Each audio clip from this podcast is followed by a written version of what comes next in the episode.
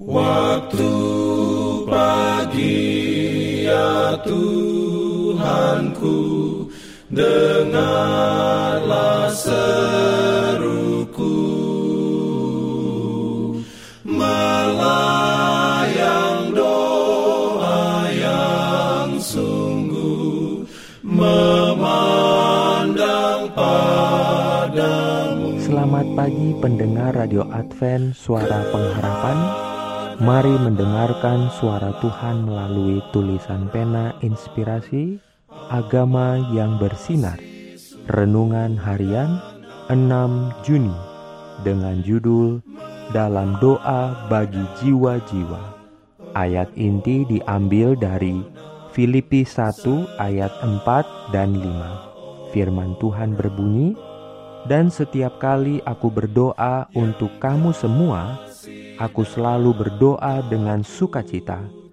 Aku mengucap syukur kepada Allahku karena persekutuanmu dalam berita Injil mulai dari hari pertama sampai sekarang perlindungan dalam pimpinannya. Urayanya sebagai berikut.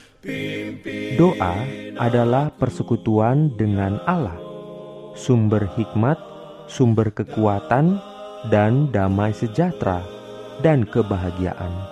Paulus menasihati orang percaya untuk berdoa tanpa henti dalam segala hal dengan doa dan permohonan, dengan ucapan syukur, menyampaikan permintaan mereka kepada Tuhan. Berdoalah satu sama lain kata Yakobus.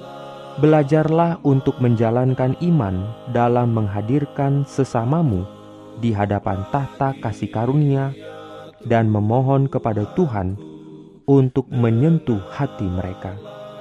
Jiwa harus dicari, didoakan, diusahakan. Permohonan yang sungguh-sungguh harus dibuat.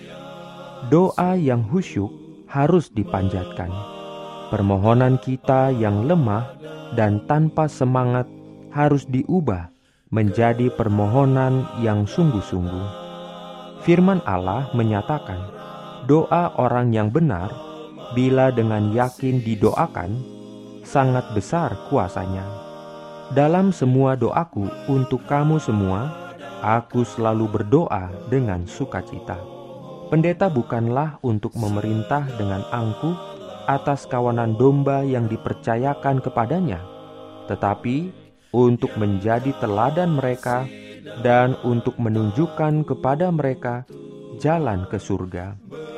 Mengikuti teladan Kristus, dia harus berdoa kepada Allah bagi orang-orang yang digembalakannya, sampai dia melihat bahwa doanya dijawab.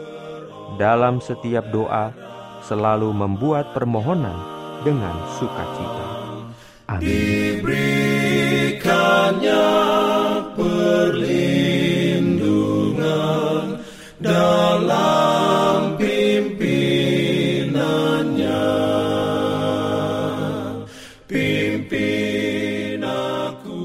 Jangan lupa untuk melanjutkan bacaan Alkitab sedunia. Percayalah kepada nabi-nabinya yang untuk hari ini melanjutkan dari buku Mazmur pasal 31. Selamat beraktivitas hari ini.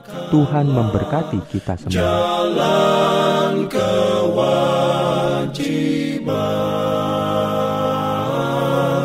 jalan keselamatan.